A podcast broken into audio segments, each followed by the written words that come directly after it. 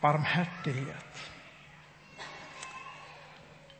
Det var några år sedan jag hade blivit peppad och äggad av eh, diverse goda vänner att, eh, att ha en rejäl målsättning i mitt löpande. Så under två timmar på Göteborgsvarvet, det var någon slags skamgräns. Ja, jag hade inte hållit, har inte hållit på så där jättelänge, så jag hade en bit kvar. Och jag kämpade och kämpade och gjorde vad jag kunde och kom in på 2.03. Så snöpligt. Tre minuter på denna långa sträcka. Så jag gick i ett par månader och smågrämde mig lite grann. Tills jag läste någonstans att om man kan springa en mil på 53 minuter, då kan man springa en halv maraton under två timmar.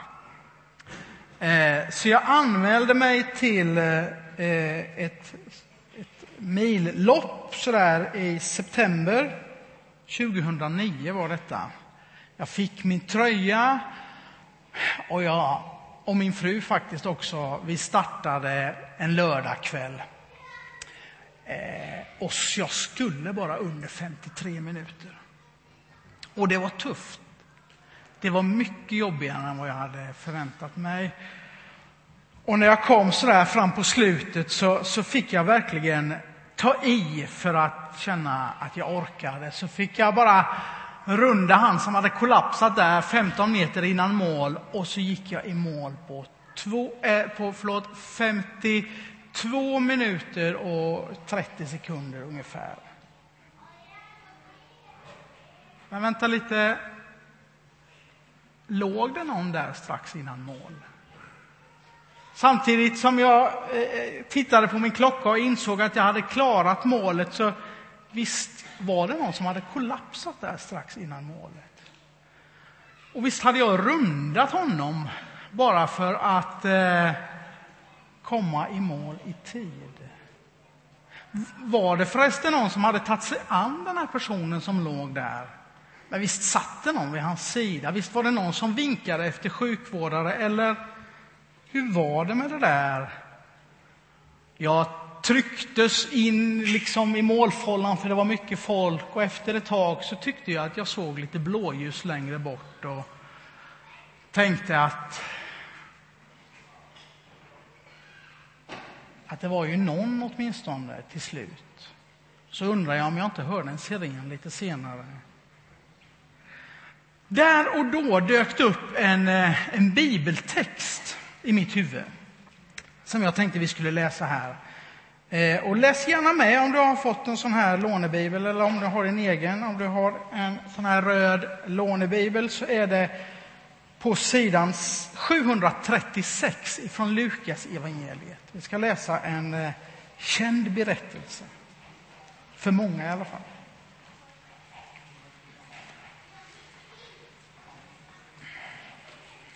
Det är från Lukas kapitel 10, vers 25. En laglärd som ville sätta Jesus på prov reste sig och sa Mästare, vad ska jag göra för att vinna evigt liv? Jesus sa, vad står det i lagen? Hur lyder orden? Han svarade, du ska älska Herren, din Gud, av hela ditt hjärta av hela din själ och med hela din kraft och med hela ditt förstånd och din nästa som dig själv. Jesus sa, du har rätt. Gör så, så får du leva. För att visa att han var rättfärdig sa mannen till Jesus, och vem är min nästa? På den frågan svarade Jesus, en man var på väg från Jerusalem ner till Jeriko och blev överfallen av rövare. De slet av honom kläderna och misshandlade honom och sedan försvann de och lät honom ligga där halvdöd. En präst råkade komma samma väg. Och när han såg mannen vek han åt sidan och gick förbi. På samma sätt med en levit som kom till platsen. När han såg honom vek han åt sidan och gick förbi. Men en samarier som var på resa kom och fick se honom ligga där. och han fylldes av medlidande. Han gick fram och hällde olja och vin på såren och förband dem. Sedan lyfte han upp honom på sin åsna, förde honom till ett värdshus och skötte om honom. Nästa dag tog han fram två dinarer, gav åt värden och sa sköt om honom och kostar det mer ska jag betala på återvägen. Vilken av dessa tre tycker du var den överfallne mannens nästa? Han svarade, den som visade honom barmhärtighet. Då sa Jesus, gå du och gör som han. Jag tror de flesta av oss har hört den historien, berättelsen, på ett eller annat sätt eh, tidigare. Och det finns en massa spännande eh, aspekter av det som händer där. Eh, jag ska inte utveckla alla alls här idag. Men betydelsen av barmhärtighet ska vi prata om. Barmhärtighet eh, bygger på två ord i svenskan om barm och hjärta. Så på något sätt så handlar barmhärtighet om att ha hjärtat på rätt ställe. Att låta de ädla känslorna och motiven som brukar liksom projiceras in i hjärtat ha en central del i livet. Barmhärtighet är väl, kan man säga, kärlek i handling. Jag visste vad en samarit var långt innan jag visste att Samarien var en del av Palestina och att där bodde det ett folk som inte ansågs alls eh, högt stående av judarna. De var i konflikt med varandra rent, eh, rent andligt och socialt. Man såg ner på varandra och tyckte att den andra folkgruppen Eh, inte minst tyckte judarna att samarierna var eh, Eh, riktiga tölpar. Men långt innan jag visste någonting om det visste jag vad en samarit var. För min mormor hon var hemsamarit. Känner ni igen det ordet? Det används ibland faktiskt fortfarande idag, men vad jag förstår så är det mer, eh, idag säger man vårdbiträde i hemtjänsten. Men ordet kommer ju från den här berättelsen. Någon som förbarmar sig över den som har behov. När min fru frågade vad jag skulle predika om idag och jag sa att jag ska predika om den barmhärtiga samariten så sa hon oj, det kan inte vara lätt att hitta på något nytt att säga om den texten.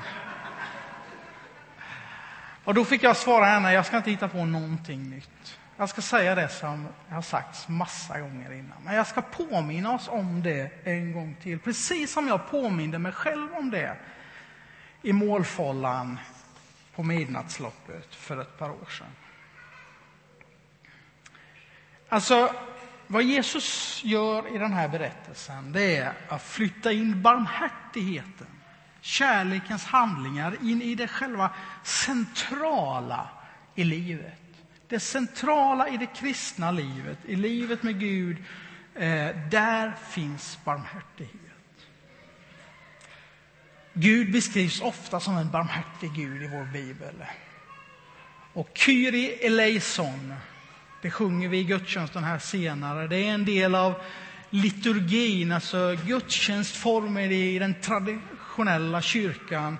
Alltså Kyrie eleison betyder Herre förbarma dig. Bönen om Guds förbarmande över oss människor är en central del i det kristna, också gudstjänstlivet. Lukas han skriver om Jesus strax några kapitel innan den här texten om att han säger till människor, var barmhärtiga så som er far är barmhärtig, så som Gud är barmhärtig, ska vi också vara barmhärtiga. Man kan också läsa den här historien som en, som en metafor, en bild över relationen mellan Gud och människa i historien, frälsningshistoriskt skulle man kunna säga. Där människan ligger slagen och skadad av, av livet, av omständigheterna, av den tuffa tillvaron, av synden, våra egna tillkortakommanden och vår egen ondska. Och så kommer det någon, inte någon av våra egna, de som bara går förbi, utan någon faktiskt bortom gränsen, någon som inte är precis som oss. Någon som faktiskt har gjort sig omaket att ta sig ända dit fram till oss nämligen Gud i mänsklig gestalt, Jesus Kristus, som drabbas av medkänsla och utövar barmhärtighet. Trots att det var farligt, farliga trakter, trots att det kostade på mycket, ja för Jesus till och med livet. Och så bjuder han in andra människor, andra som oss, en värdshusvärd, in i det barmhärtighetsgärningen. Och så ger han värdshusvärden resurser att utöva barmhärtighet med. Så skulle man kunna läsa historien om hur faktiskt Gud kliver in i mänskligheten, förbarmar sig över oss och ger oss resurser att förbarma oss över varandra. Jag tror att många människor vill vara barmhärtiga människor. Jag tror kanske till och med att de flesta människor vill ses som barmhärtiga. Jag tror att det är allmänt känt att eh, kristen tro förespråkar barmhärtighet. I synonymordboken så är kristlig en synonym till barmhärtig. Vad man än tycker om det så står det där. Jag är övertygad om att alla som känner Jesus Kristus sådär personligen känner hans kallelse till att vara en barmhärtig människa, till att möta andra med barmhärtighet. Och ändå tror jag inte att jag är så där förfärligt unik när jag känner tillkortakommande och att det här är svårare än vad jag vill att det ska vara. Så när jag funderar på vad är det som håller mig tillbaks? Varför är jag inte så barmhärtig som jag skulle vilja vara? Så dyker det upp två saker. Det finns säkert tusen andra, men hos mig dyker det upp två saker som jag skulle vilja stanna för här idag. Det, e, det egna, det är den där egna agendan. Alltså, jag hade ju tävlingströjan på mig. Jag hade ju siktat på de där 53 minuterna. Jag hade ju kämpat för det, inte bara de där 52 minuterna, 51 minuterna tidigare, utan jag hade tränat under sommaren och jag hade kolhydratladdat, och, eller vad det nu är man ska göra, och, och, och haft mig. Eh, och jag hade målet i sikte. Och det gick ju så fort. Det var mitt mål, dit alla resurserna gick. Och jag var helt fokuserad på det. Jag såg honom inte, jag gav mig knappt chansen att se den som behövde hjälp. Så prästen i den här texten, han hade säkert sitt mål. Han var på väg någonstans. Och ett av en prästs mål det var att leva ett rent liv. Och på den tiden eh, så fick en jude inte beröra en död människa. Och mannen som låg där var halvdöd, han kunde lika väl vara död. Och prästen hade ett högt ämbete och var mån om att han skulle vara ren och som sagt, han var säkert på väg någonstans också. Han hade sitt mål, han hade sin agenda som var viktigt för honom. Leviten, en levit var ju en tempeltjänare. De bodde i olika städer runt i Palestina men reste in och, och, och tjänade i templet för en tid och sen så fick man betalt och så, så reste de hem, hem sen. Eh, lite prästliknande men ändå inte riktigt. Han hade också sin agenda. Han var kanske på väg hem till sin lilla stad efter fullgjord tjänst. Hade kanske familj och barn som väntade på honom. Det han hade med sig i fickorna han hade tjänat ihop, det var någon som behövde där hemma. Han hade kanske barn att mätta och lån att betala och ja, sånt där som de flesta av oss har.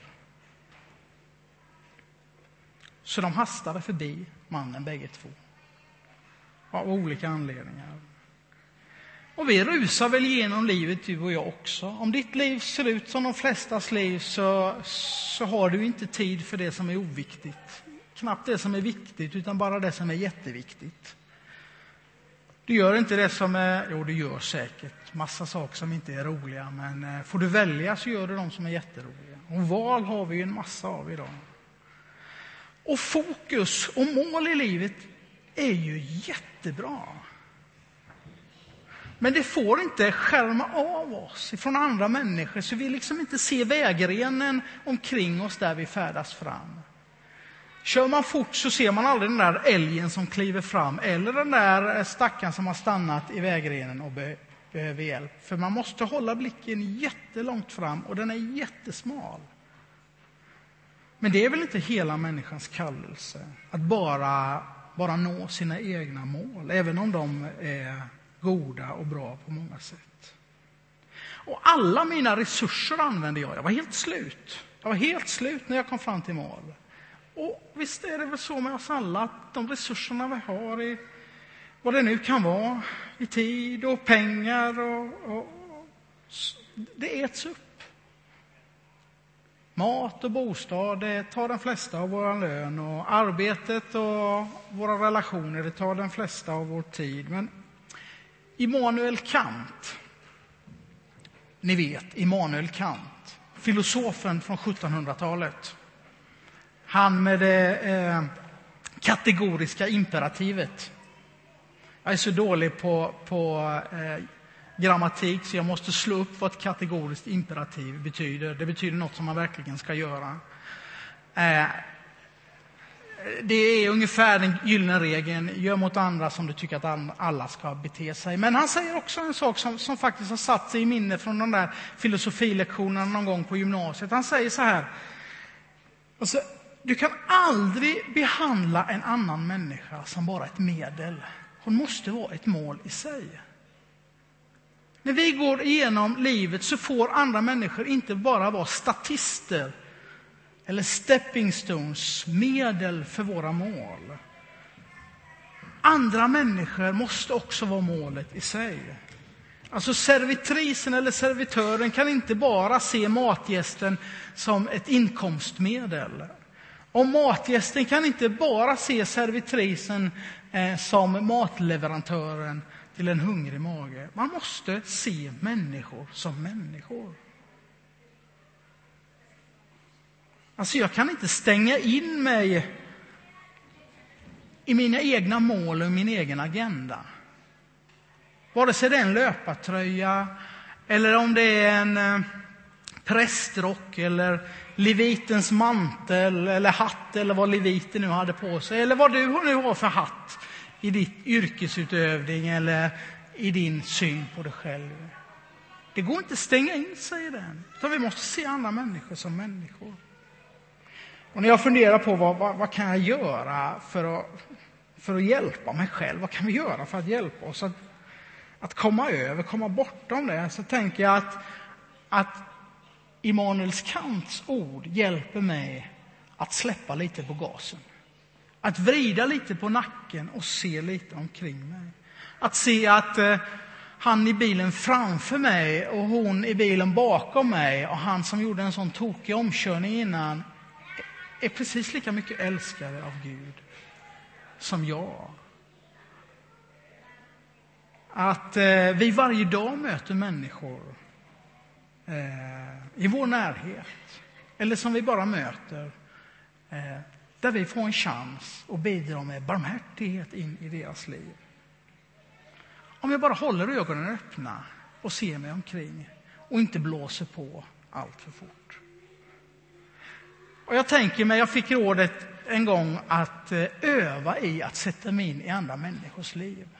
När jag sitter där på spårvagnen och så ser jag en människa och så kan jag fundera på, jag undrar hur den människans liv ser ut.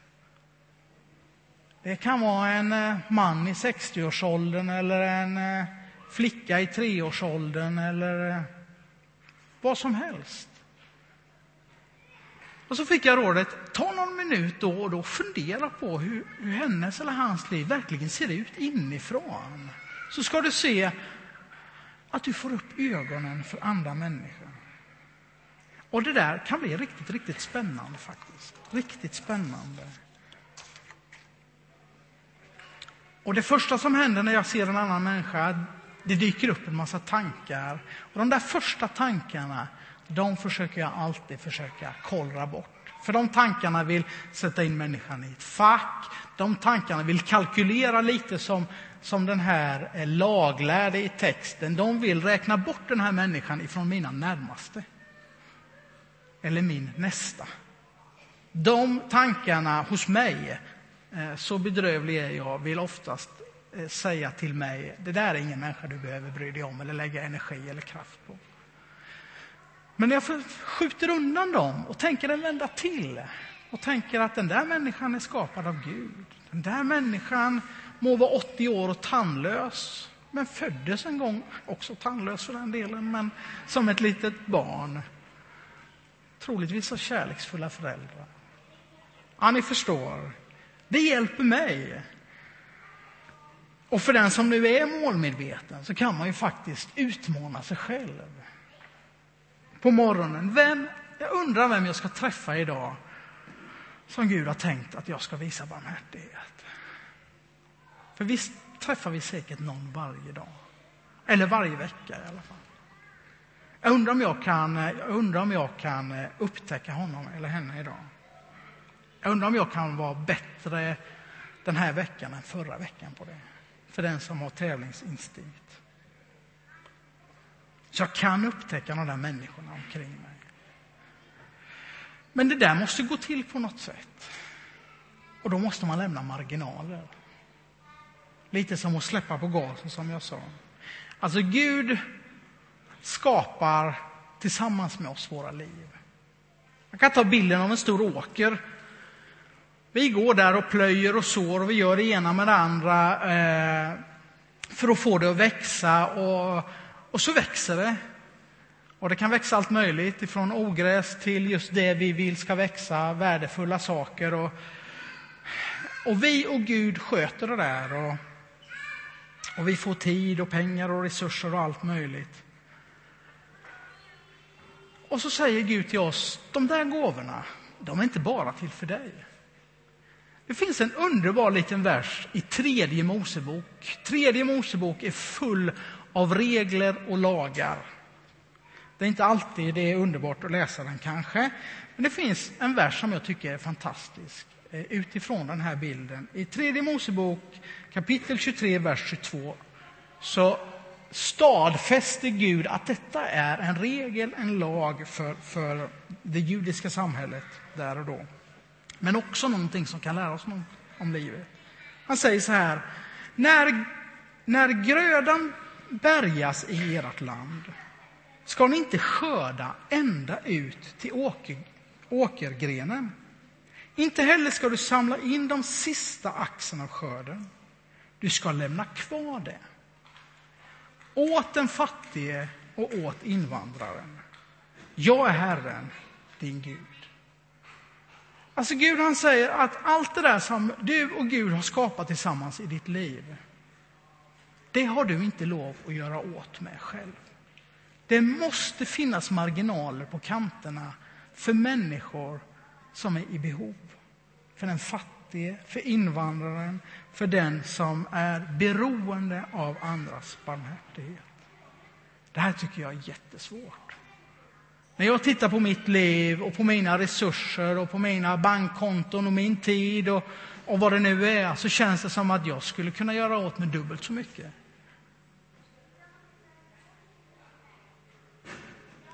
Och ändå är uppmaningen lämna kvar i kanten till dem som behöver. Och Det här leder mig in till den andra av de två eh, hindren jag tror att jag åtminstone kämpar med när det gäller barmhärtighet. Det är rädsla, eller åtminstone oro. Rädslan att mina resurser inte ska räcka till. Eh, rädslan av att jag ska göra fel, att jag inte ska kunna hantera situationen. I texten så är det ju inte helt eh, eh, otänkbart att både prästen och leviten insåg att situationen var ganska farlig. Man var i trakter där det fanns rövare. Eh, man visste inte vad som händer när man stannar. Eh, alltså går jag vidare. Leviten, som jag sa, hade väl säkert fått med sig sin lön hem, men den skulle säkert gå åt där hemma eh, till både föda och lån och vad det nu kunde vara. Alltså valde man att behålla säkerheten, resurserna och lämna den eh, behövande bakom sig.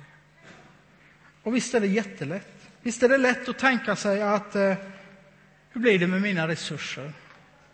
Kommer min tid helt ätas upp om jag involverar mig i den där arbetskamraten som har extra behov? Kommer jag bli av med alla mina pengar om jag börjar stödja någon som har akuta ekonomiska behov?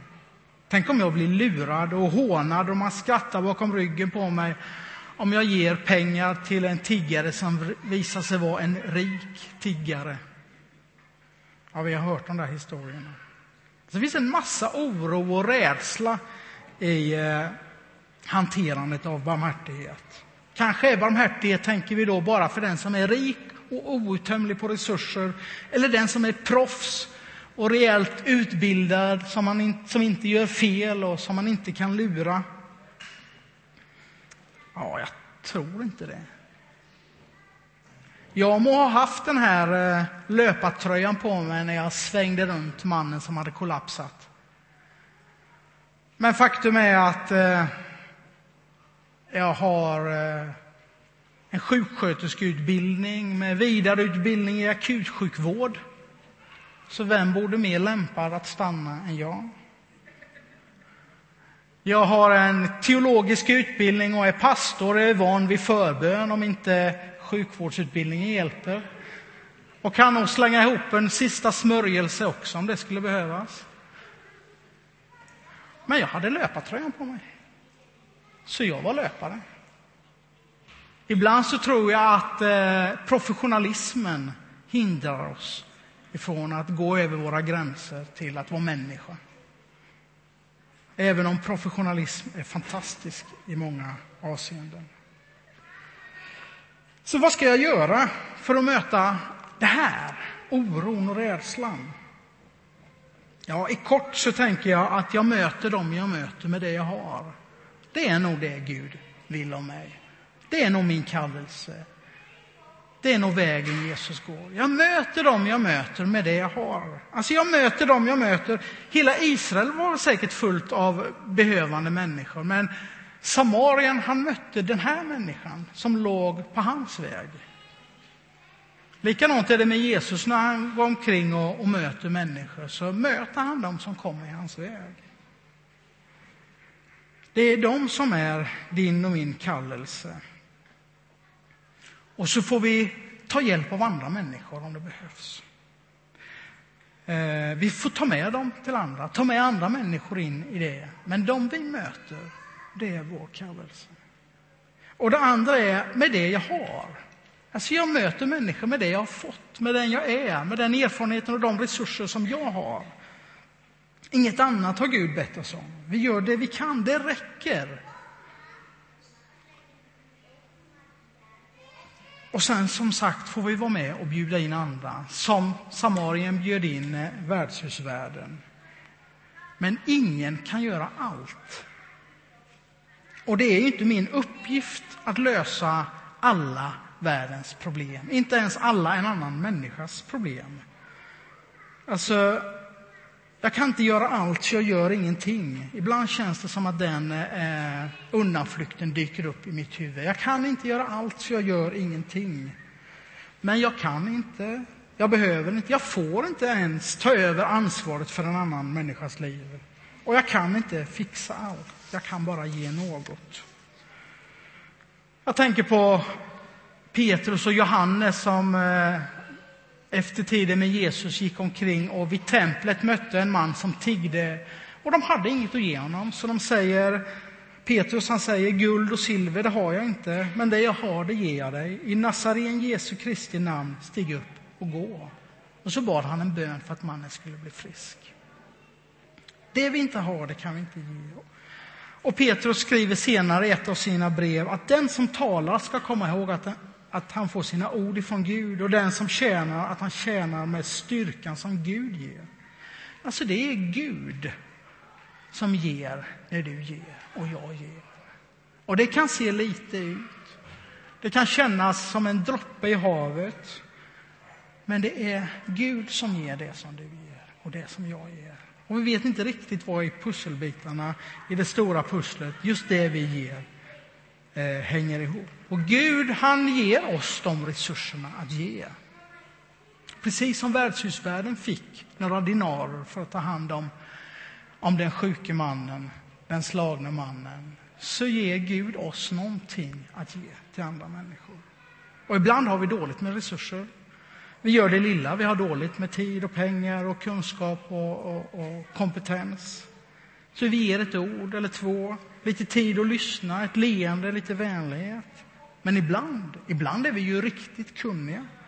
Ibland är vi riktigt proffsiga, ibland har vi ju mycket resurser. Men det är ändå Gud som ger välsignelsen. Jag tillbringade en hel del tid för någon månad sedan här på sjukhuset på inte minst intensivvårdskliniken i Jönköping. Min syster låg där svårt sjuk med ihäck. Och under ett par veckor så, så var det mycket osäkert om hon skulle överleva. Och,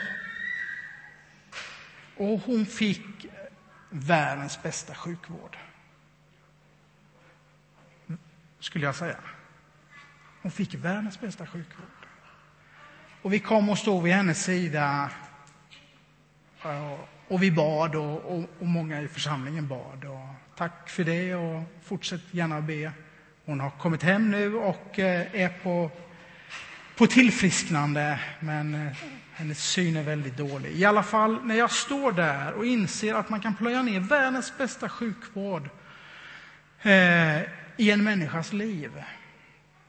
Och vi kan be alla bönerna, men det är ändå Gud som håller en människa vid liv.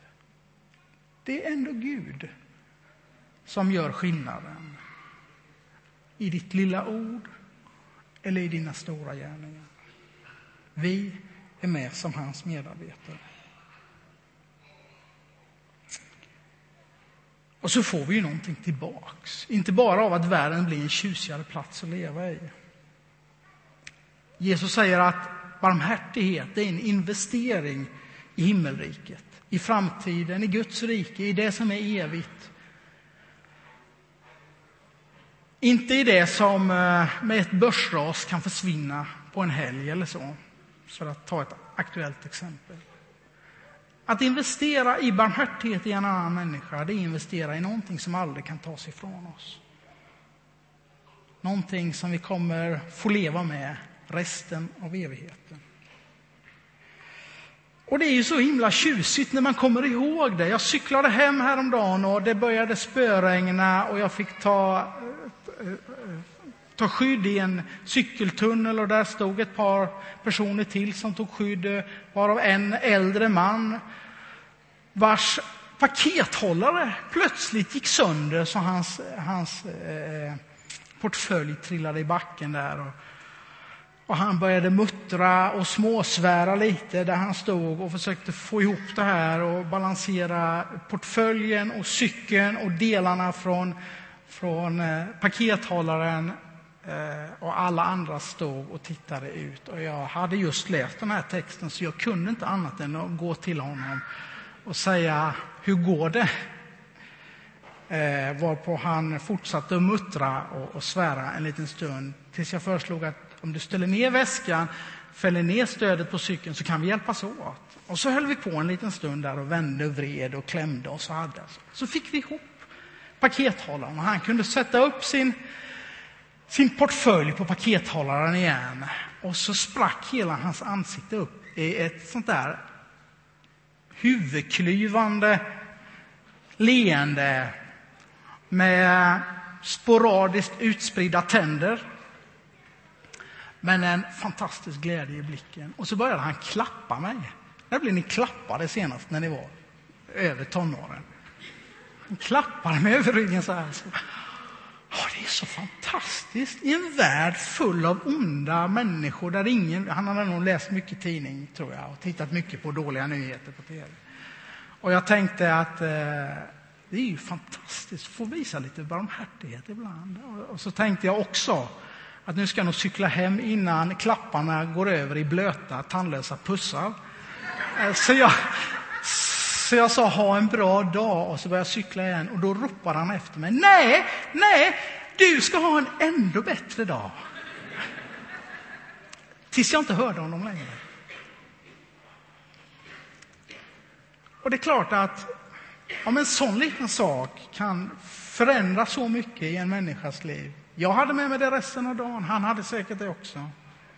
Så är väl barmhärtighet någonting att plöja ner sina resurser i, är det inte det? Skulle vi inte få en tjusigare värld då? Mannen jag hade rundat på eh, löpartävlingen, han dog. Han fick en hjärtinfarkt, han dog. Om jag hade gjort någon skillnad till eller från, det har jag ingen aning om. Troligtvis inte. Men jag sörjer för min egen del. Att jag missade chansen att få vara kanske till välsignelse. När jag bara sprang förbi i jakt på mitt eget mål. Så jag hoppas att du ska påminna mig, som jag påminner dig här idag, om den här berättelsen som vi alla känner till om barmhärtighet. Låt oss be. Tack himmelske far att du är den främste bland de barmhärtiga. Du har förbarmat dig över oss, Herre. Du har gett oss liv, du har vunnit oss tillbaks, Herre. Och du går med oss varje dag. Du ger oss gåvor, du ger oss resurser och förmågor, inte bara att leva våra egna liv, utan att sträcka oss in i varandras liv med en barmhärtig hand, Herre, när vi har behov. Hjälp oss att se varandra, se den som behöver möta din barmhärtighet. Hjälp oss att ge av det du ger och ibland be dig om mer att ge när det behövs, Herre. Jag ber i Jesu namn. Amen.